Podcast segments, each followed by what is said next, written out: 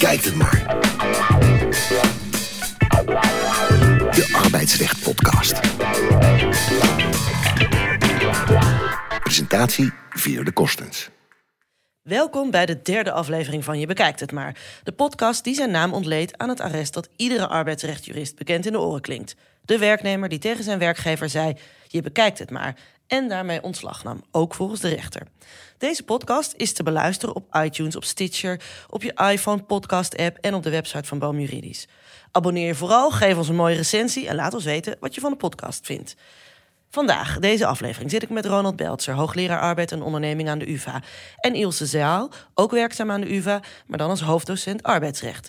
Met hen ga ik de actualiteiten van het arbeidsrecht doornemen. En we beginnen met onze vaste rubriek, de uitspraak. De uitspraak.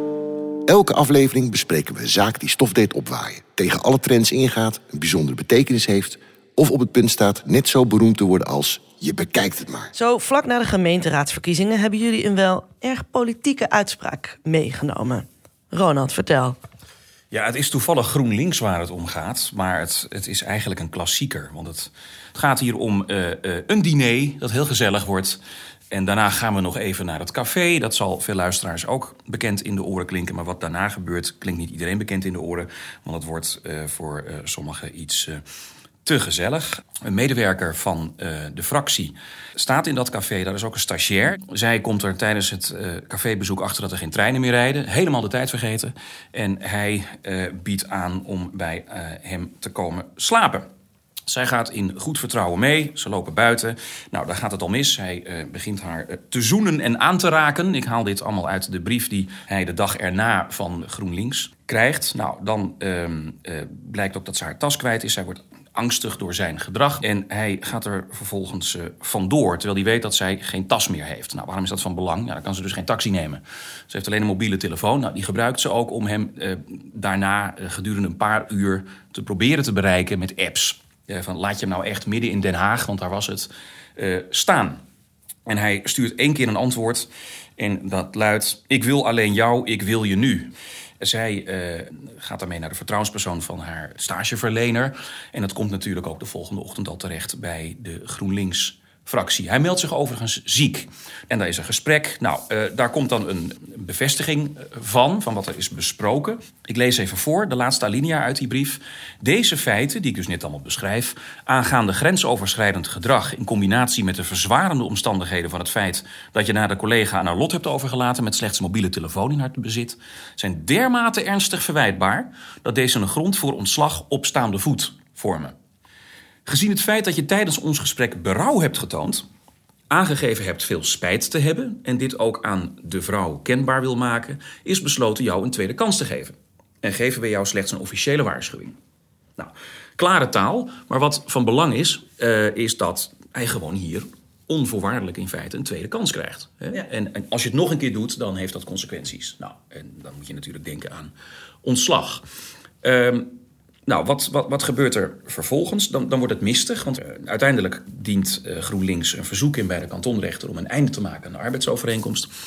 En uh, brengt daarbij de E-grond aan. En E-grond, we hebben een aantal gronden in de wet, hè? daar hebben we het uh, bij de eerste podcast ook over gehad. Ja. Um, die betreft verwijtbaarheid van de werknemer. Nou, en wat doet GroenLinks nou? Dat haalt dan precies dit hele voorval aan bij de kantonrechter. En dan zegt de kantonrechter, ja, luister eens even, dat is afgetikt. Hij heeft een tweede kans gekregen, dus dat mag je niet nu opnieuw naar voren brengen in de procedure. Hè? Dat is gewoon een, een, een, begrip dat de Romeinen al kenden, een soort ne bis in idem. Je kunt niet ja. twee keer uh, voor hetzelfde uh, bij de rechter of wat dan ook komen te staan. Je mag daar niet op worden afgerekend. Nou, maar dan, dan komt er een, een opmerkelijke draai, want GroenLinks heeft ook nog de G-grond aangebracht. Ja, wat is dat? De G-grond is nou ja, niet met elkaar door een deur kunnen. Hè? Uh, verschil van inzicht enzovoort. Dus nou, verstoorde arbeidsverhoudingen, zo moet je het eigenlijk noemen. Uiteindelijk wordt dus ontbonden op de G-grond. En waar baseert de kantonrechter dat nou op? Uh, dat wordt niet helemaal duidelijk nee, in de uitspraak, of wel? Ik hem er even bij. Uh, de houding van partijen jegens elkaar ter zitting. Er zijn veelal grimmig geformuleerde uh, verwijten gemaakt naar elkaar. Dat is opmerkelijk, want in die brief staat nog van... je hebt berouw getoond en ja. er is dus tussenin iets gebeurd... maar wat niet duidelijk wordt. Ja, nou, dat staat ook wel in dat hij niet heeft aangegeven of duidelijk heeft gemaakt... dat hij toch bereid is om dat conflict op te lossen. Maar of dat dan het conflict is, ja. het aanvankelijke conflict... of uh, de verstoorde arbeidsverhouding, dat, dat wordt niet heel duidelijk. Nee. Nee, de kantonrechter zegt dan uh, dat, dat hij uh, niet heeft uh, getoond hierin verantwoordelijkheid te nemen. en dat is gek, want als je die eerdere brief leest, dan zeg je je berouw getoond, je wil het met haar uitspreken enzovoort. En hij heeft zich ook ziek gemeld in die periode. Ja, ook nog. ik denk ook, ja, dat zal natuurlijk situatieve arbeidsongeschiktheid zijn. Het is niet ineens dat hij een, een trekkend been heeft of zo. Het is natuurlijk omdat, omdat die ruzie er is. Ja. Ehm, maar het, het, ehm, qua motivatie, laat ik het zo zeggen, laat deze uitspraak wel wat te wensen over. En ook kom je dan in feite terug op wat we vroeger deden. Als partijen eh, ter zitting uh, met modder gaan gooien. Nou, dan was een kantonrechter snel bereid om te zeggen: Nou, dat is een verstoorde verhouding. Hè? Okay. En, en nu is dat in feite uh, ook gebeurd. Want er worden geen nieuwe feiten en omstandigheden aangebracht. die die G-grond zouden kunnen dragen.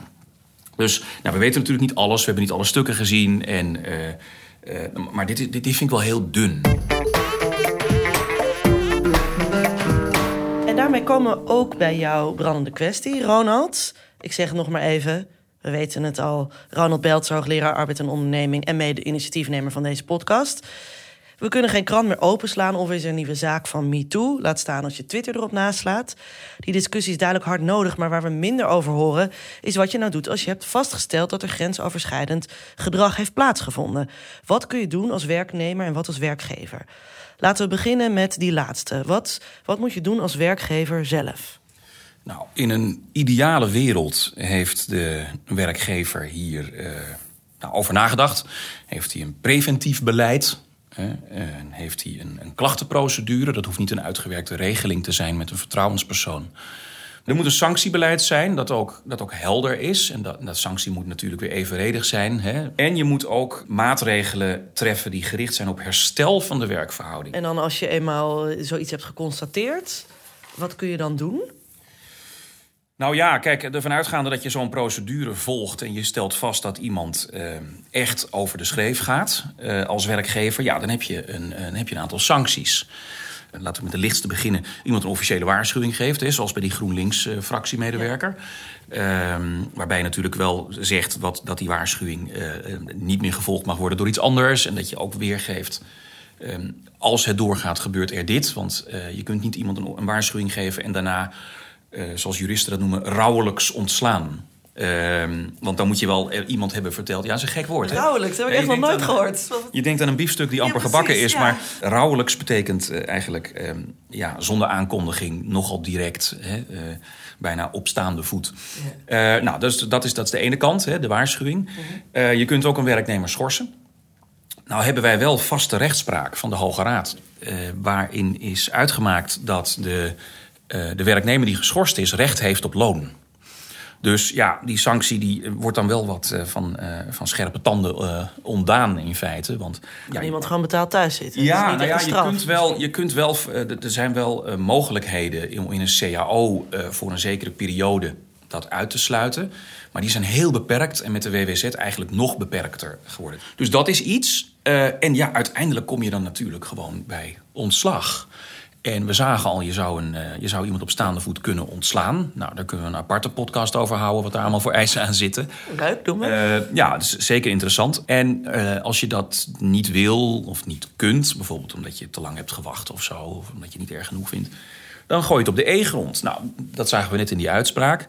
Verwijtbaar handelen. Ehm, waarom zou je dat doen en het niet milder formuleren, zoals verstoorde arbeidsverhoudingen? Uh, dat is dan eigenlijk de derde stap die je zou kunnen zetten. Nou, de E-grond heeft wat voordelen. Eén daarvan is, je hoeft een werknemer niet meer te herplaatsen. Dus als vaststaat dat een werknemer daarmee verwijtbaar heeft gehandeld, ja. dan heeft, is een werkgever ontslagen van de wettelijke plicht om te kijken of die werknemer nog ergens anders aan de bak kan. Terwijl je dat trouwens bij bepaald intimiderend gedrag nog wel kunt voorstellen dat het dan juist goed zou zijn om iemand uh, over te plaatsen.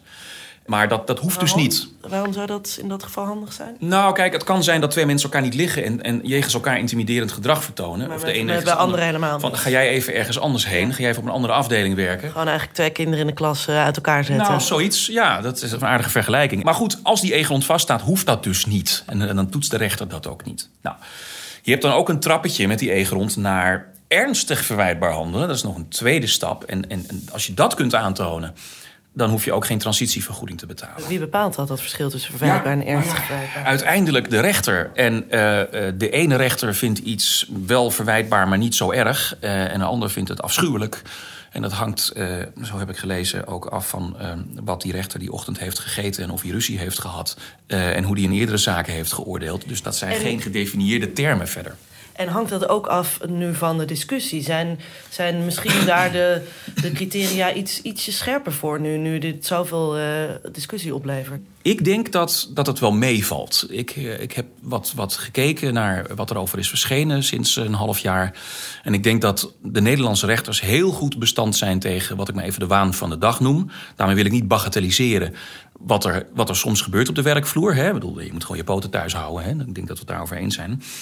Eh, maar je zag al vrij snel in de media ook ja, wat, wat opgefokte berichten in de trant van... eh, nou, die rechters die doen niks. Hè? En, en, en hoe kan die werknemer daar nou mee wegkomen? Nou, dan is er altijd één woord dat ertoe doet. Context. Hè? Het is dezelfde discussie van... die criminelen worden niet hard genoeg gestraft. Nou, Ja. Ik heb nog wel echt wel het vertrouwen in, eh, in, in onze Nederlandse rechterlijke macht... dat die daar eh, fatsoenlijk mee omgaan. Dus ja, ook, ook beschuldigingen als het zijn allemaal mannen, dus ze zullen wel eh, eh, bevooroordeeld zijn. Nou, ten eerste is het niet waar, want meer dan de helft van de rechters is tegenwoordig vrouw trouwens. Precies. Maar ook dat is een beetje sensatie zoeken. En de andere kant op, kunnen werkgevers ook bestraft worden? Omdat ze dus, je had het in het begin al over die, die werkomgeving, veilige werkomgeving die werkgevers moeten bieden. Ja. En als dat niet het geval is geweest? Nou ja, als je in strijd handelt met je plicht als goed werkgever te handelen, dan kun je, zoals wij dat noemen, schadeplichtig zijn. Dus daar kan een schadevergoeding tegenover staan.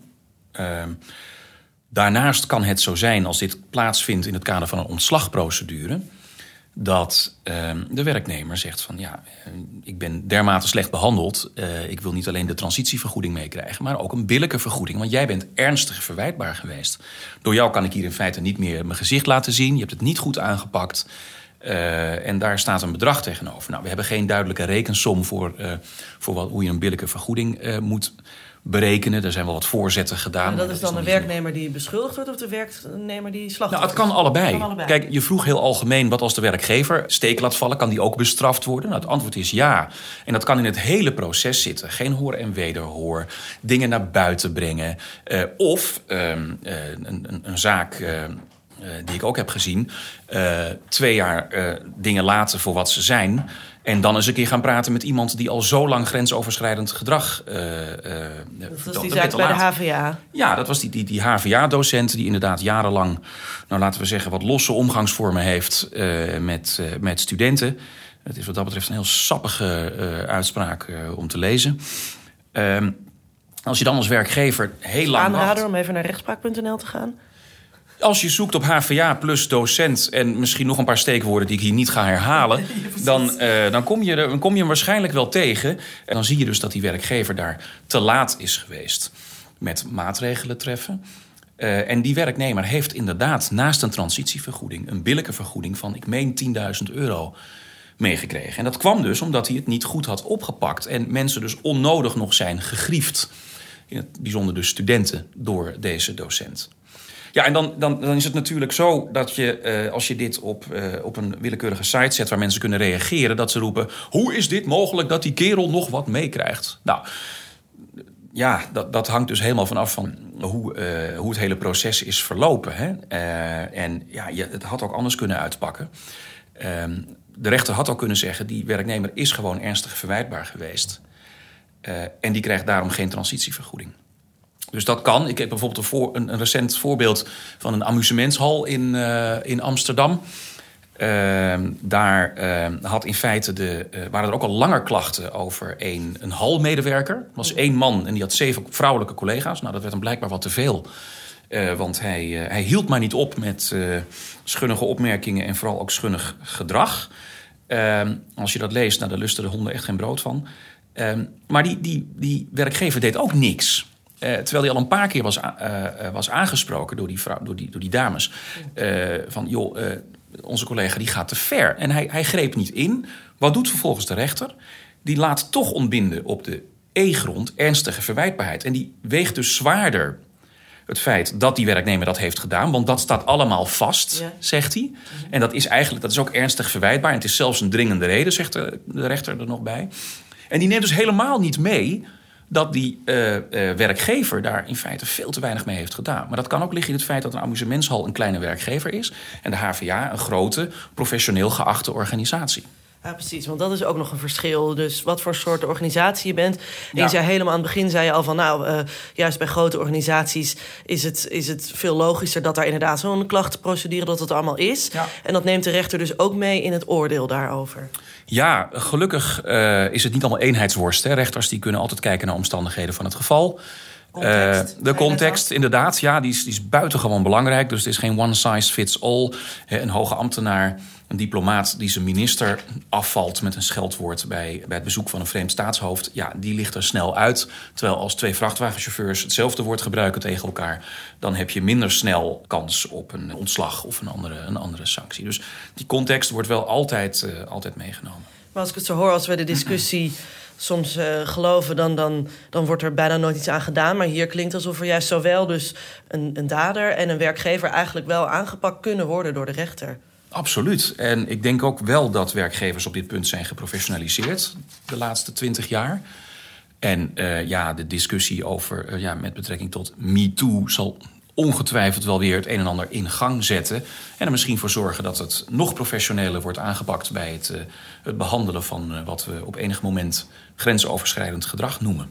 Dan komen we aan bij. De vaste vraag. De rubriek De vaste vraag. Jij bent er inmiddels bekend mee. Ik heb een vraag voor jou. Welk boek is echt noodzakelijk en moet volgens jou nog geschreven worden? Oh jee. Moet het, uh, zullen het juridisch houden? Ja. Ja? Nou, um, er zijn wat terreinen die al een aantal jaren niet goed zijn onderzocht. En bijvoorbeeld de vraag naar... Uh, ja, wat is nou eigenlijk redelijk waar het gaat om uh, werknemers aanwijzen bij collectief ontslag? Hoe je daarmee omgaat. een, een, een proefschrift daarover is al jaren niet, uh, niet verschenen. Uh, dus um, het, het, zou mooi zijn als iemand daar eens uh, verder onderzoek naar gaat doen op het terrein van collectief ontslag. Ja. Oké, okay, nou misschien iets voor uitgeverij Boom. Niet geheel en al toevallig de initiatiefnemer van deze podcast. En daar gaan we nu heel eventjes naartoe.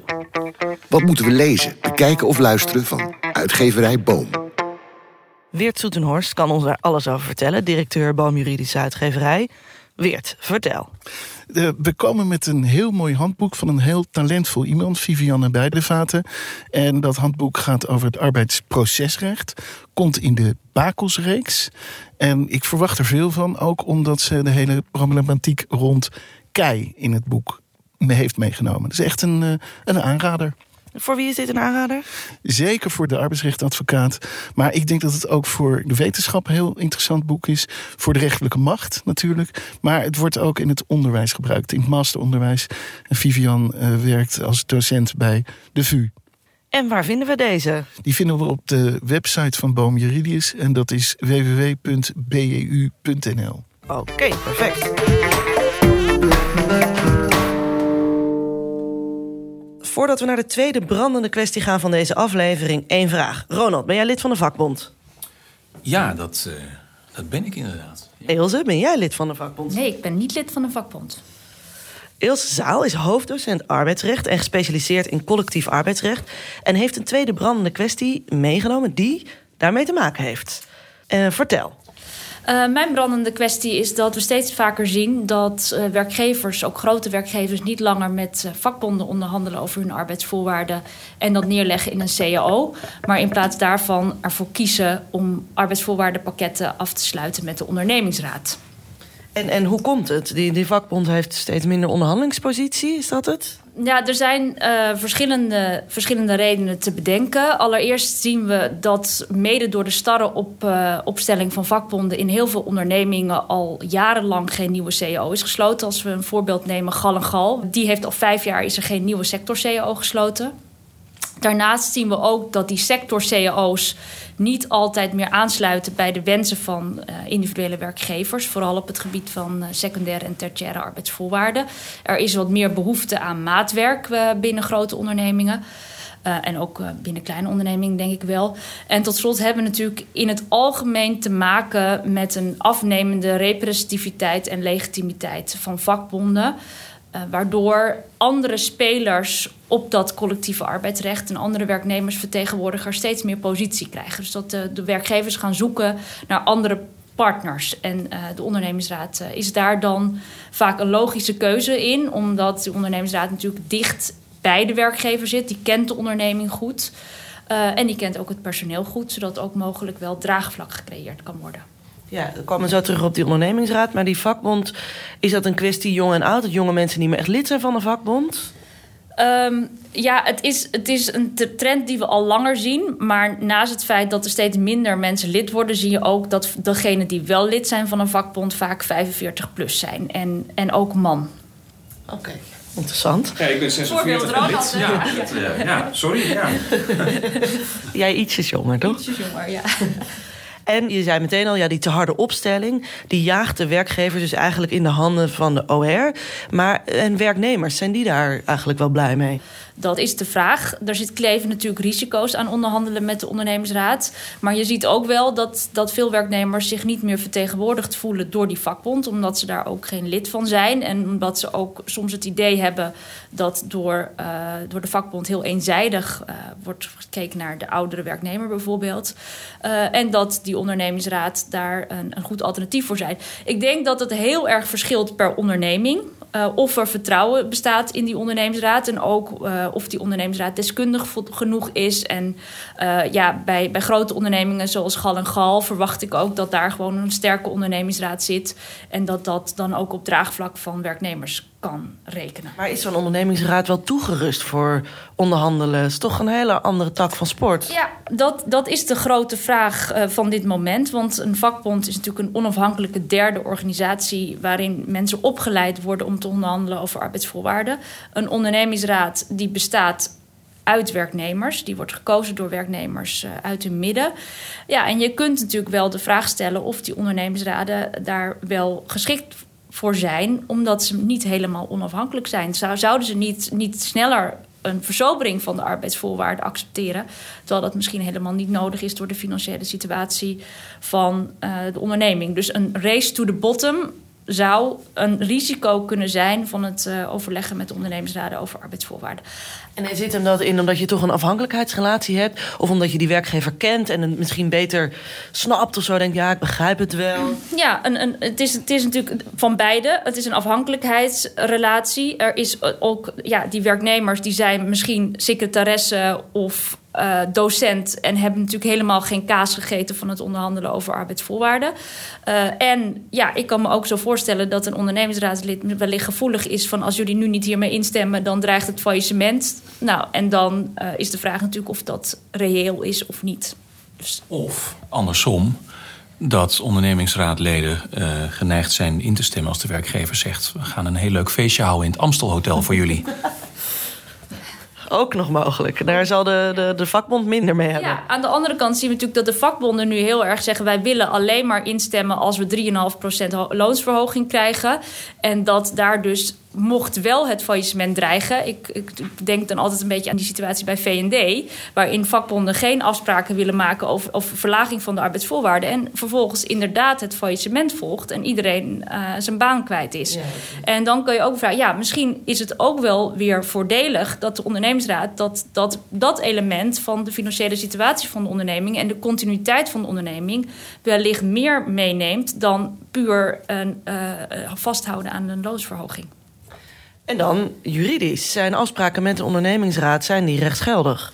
Uh, de afspraken met de ondernemingsraad zijn wel rechtsgeldig. Uh, de ondernemingsraad is bevoegd om arbeidsvoorwaardenovereenkomsten te sluiten, mits er geen CEO meer is. Dus je moet eerst wachten tot de huidige CEO is afgelopen en dan kun je onderhandelen met de ondernemingsraad. Het nadeel alleen is dat cao's in het algemeen individuele werknemers ook binden en ondernemersovereenkomsten niet. Dus je zult altijd nog als werkgever of via uh, instemming van de werknemer of via eenzijdige wijziging ervoor moeten zorgen dat die arbeidsvoorwaarden ook, naar die, ook in die individuele arbeidsovereenkomst worden verankerd. Dus dan moet alsnog ieder individuele werknemer contract tekenen met deze arbeidsvoorwaarden? In beginsel wel. Alleen is er altijd de mogelijkheid om, als je een eenzijdig wijzigingsbeding hebt, om daar gebruik van te maken. En dan zal het feit dat de instemming is van de ondernemingsraad ook wel weer meewegen uh, in, in de belangenafweging. Je ziet ook wel dat in een individuele arbeidsovereenkomst wordt opgenomen dat de overeenkomst van toepassing is. Daar hebben jullie het volgens mij in de eerste podcast over gehad. Of de vraag is of dat nu kan, of, of je dan op die manier kan binden. Uh, maar je zult dus meer moeten doen dan uh, wanneer je een CAO met vakbonden hebt gesloten. En, en naast uh, juridisch, hoe zit het maatschappelijk? Vinden we dit oké dat, dit, dat dit verschuift van vakbonden naar OR? Daar verschillen de auteurs en de maatschappij echt heel erg van mening over. De vakbonden vinden dit natuurlijk geen goede ontwikkeling. Nee. Uh, en er zijn ook veel mensen die vooral benadrukken dat het heel veel risico's heeft. En die risico's moeten we ook niet onderschatten. Aan de andere kant zijn er ook wel mensen die zeggen: ja, die decentralisatie van arbeidsvoorwaarden is goed en is ook realiteit. Werkgevers hebben daar nu blijkbaar behoefte aan. Maar dan vind ik bijvoorbeeld zelf wel dat de wetgever eigenlijk wat meer waarborgen moet creëren, zodat die afspraken ook wel, uh, wel goed zijn. En dat we voorkomen dus dat ondernemingsraden heel snel gaan instemmen met de verzobering. En wat voor waarborgen zou je dan aan denken? Nee, er zal sowieso een wettelijke regeling moeten komen over die doorwerking in de arbeidsovereenkomst. En ik kan me zo voorstellen dat bijvoorbeeld om dispensatie te kunnen vragen van een algemeen verbindend als dat mogelijk is, om dan te, eisen dat de ondernemingsraad zich wel heeft laten bijstaan door een deskundige. Dan heb je als waarborg dat het dus een deskundig iemand naar kijkt. Dus dat je weet van nou, hé, hey, dit, dit is, zit wel oké aan elkaar. Maar dan heb je wel nog steeds die afhankelijkheidsrelatie. Is daar iets mee te doen? Ja, nou je zou, ook, je zou ook nog kunnen denken aan een soort samenwerkingsvorm van vakbonden en ondernemingsraden. Dat bijvoorbeeld vakbonden de ondernemingsraden ondersteunen. Of dat er altijd nog een, een uiteindelijk ook een handtekening nodig is van een vakbond. Of, uh, en uh, ik denk dat we. Het was nu heel erg vakbonden tegenover ondernemingsraad. Maar ik denk juist dat die vakbonden ook een hele goede rol kunnen vervullen. om die ondernemingsraden te helpen bij het sluiten van die overeenkomsten. En dan moeten de vakbonden eigenlijk ook een beetje veranderen. Zeker. Ja. Zegt zij met een zucht. Dus dat is sowieso een uh, goed idee, denk je? Ja, ik denk dat het een goed idee is om niet hier tegen te vechten, maar te omarmen en zorgen dat, dat die twee werknemersvertegenwoordigers veel meer samen gaan werken. En zijn er al politieke partijen die hiermee bezig zijn? Um, nou, niet in concrete zin dat er de voorstellen liggen voor, voor wetgeving. Er zijn wel politieke partijen die vinden dat het CAO-systeem wat afgezwakt moet worden. Uh, daarbij denk ik vooral aan de, aan de VVD en in mindere mate D66. Het is heel gek, het speelt nu overal, maar vanuit de wetgever zijn er nog geen concrete maatregelen genomen. Alleen vanuit de vakbonden bekeken steeds, hè? steeds ja. vanuit het CAO-systeem. Maar die bonden zitten natuurlijk ook nationaal aan tafel. Ja. En OR niet, dus dat verklaart het ook een beetje dat als men er naar kijkt, men vooral kijkt naar het CAO-systeem en niet zozeer naar de wet op de ondernemingsraden. Ja, precies. Ja. Omdat die, die ondernemingsraden logischerwijs niet verenigd zijn. Nee, dat klopt. Ja. Dus die, die, hebben ook die, geen plaats natuurlijk in het, in het poldermodel eigenlijk. Dus die lobby je ook ergens nergens voor. Nee. Dus we hebben te maken met een realiteit uh, in de praktijk. Dus heel veel ondernemers uh, hebben deze wens en, en, en, doen het ook gewoon. Bij, bij Jumbo ligt er gewoon zo'n overeenkomst. Maar uh, de wetgeving faciliteert of regelt het op geen enkele wijze. Nou ligt de wetgeving natuurlijk vaker iets wat achter op maatschappelijke ontwikkelingen... en is het dus aan de politiek. Ja. Zo, zo eindigen vaak onze brandende kwesties, uh, moet, ik, uh, moet ik hier uh, vaststellen. Um, maar dan gaan we gewoon door naar een vaste vraag voor jou, Ilse. De vaste vraag. Um, op de stoel van welke rechter zou jij wel willen zitten? Is er een zaak de komende tijd waar je graag over uit zou willen spreken? Nou, waar ik me wel heel graag over zou willen uitspreken, is de, de eerste Nederlandse zaak waarin een, een rechter moet oordelen of een prepack een overgang voor onderneming is na de bekende Estro-zaak van het Hof van Justitie. Een vraag... Vertel even. Ja, het Hof van Justitie heeft geoordeeld dat de richtlijn overgang voor onderneming van toepassing is op een prepack. Een prepack is een flitsfaillissement, dus een faillissement wat wordt voorbereid uh, door een stille bewindvoerder of stille curator en vervolgens na faillissement heel snel wordt overgedragen. En uh, de richtlijn overgang voor onderneming zien principe niet van toepassing op faillissement. Maar het Hof van Justitie heeft kort gezegd geoordeeld dat dat voor de prepack anders is, omdat het eigenlijk een middel is om de continuïteit van de onderneming te behouden. Nou, daar moeten we het nu mee doen. Maar er moet natuurlijk ook een keer een. Dat is het Hof van Justitie geweest. Maar in het Nederlands recht staat nog dat die richtlijn niet van toepassing is. Dus nu zal een Nederlandse rechter dan moeten oordelen of hij dat rechtstreeks kan toepassen. En wat zou jij dan oordelen als die zaak er is? Um, ik zou denk ik oordelen dat uh, het in dit geval een uitleg contra legem is, zoals we dat noemen. Dus dat, het in, dat je dan zo ver gaat als rechter dat je de wet opzij zet met een beroep op de richtlijn. En ik denk dat, dat, de, recht, dat de rechtszekerheid daaraan in de weg staat. En dat ook op dit punt eigenlijk de wetgever eerst aan zet is en dan pas de rechtspraak. Dankjewel. En daarmee zijn we aan het einde gekomen van Je Bekijkt het maar, aflevering 3. Ik bedank mijn gasten, Ronald Beltzer en Ilse Zaal. Fijn dat jullie de actualiteit in het arbeidsrecht wilden bespreken met, uh, met mij en met de luisteraars. Over twee weken is aflevering 4. Daarin weer twee gasten waarmee ik de stand van zaken in het arbeidsrecht zal bespreken. Brandende kwesties, vaste vragen, een uitspraak. Ze komen weer allemaal voorbij. Naast Ronald Beltzer zit dan Michiel Kolen, partner bij HDK Advocaten. Je vindt deze aflevering over twee weken op iTunes, op Stitcher, de iPhone Podcast app en op de website van Boom Juridisch. De montage van dit programma was in handen van Arno Peters, advies van Katinka Beer. Mijn naam is Veerle Korstens en ik verwelkom u graag weer bij de volgende aflevering van Je bekijkt het maar.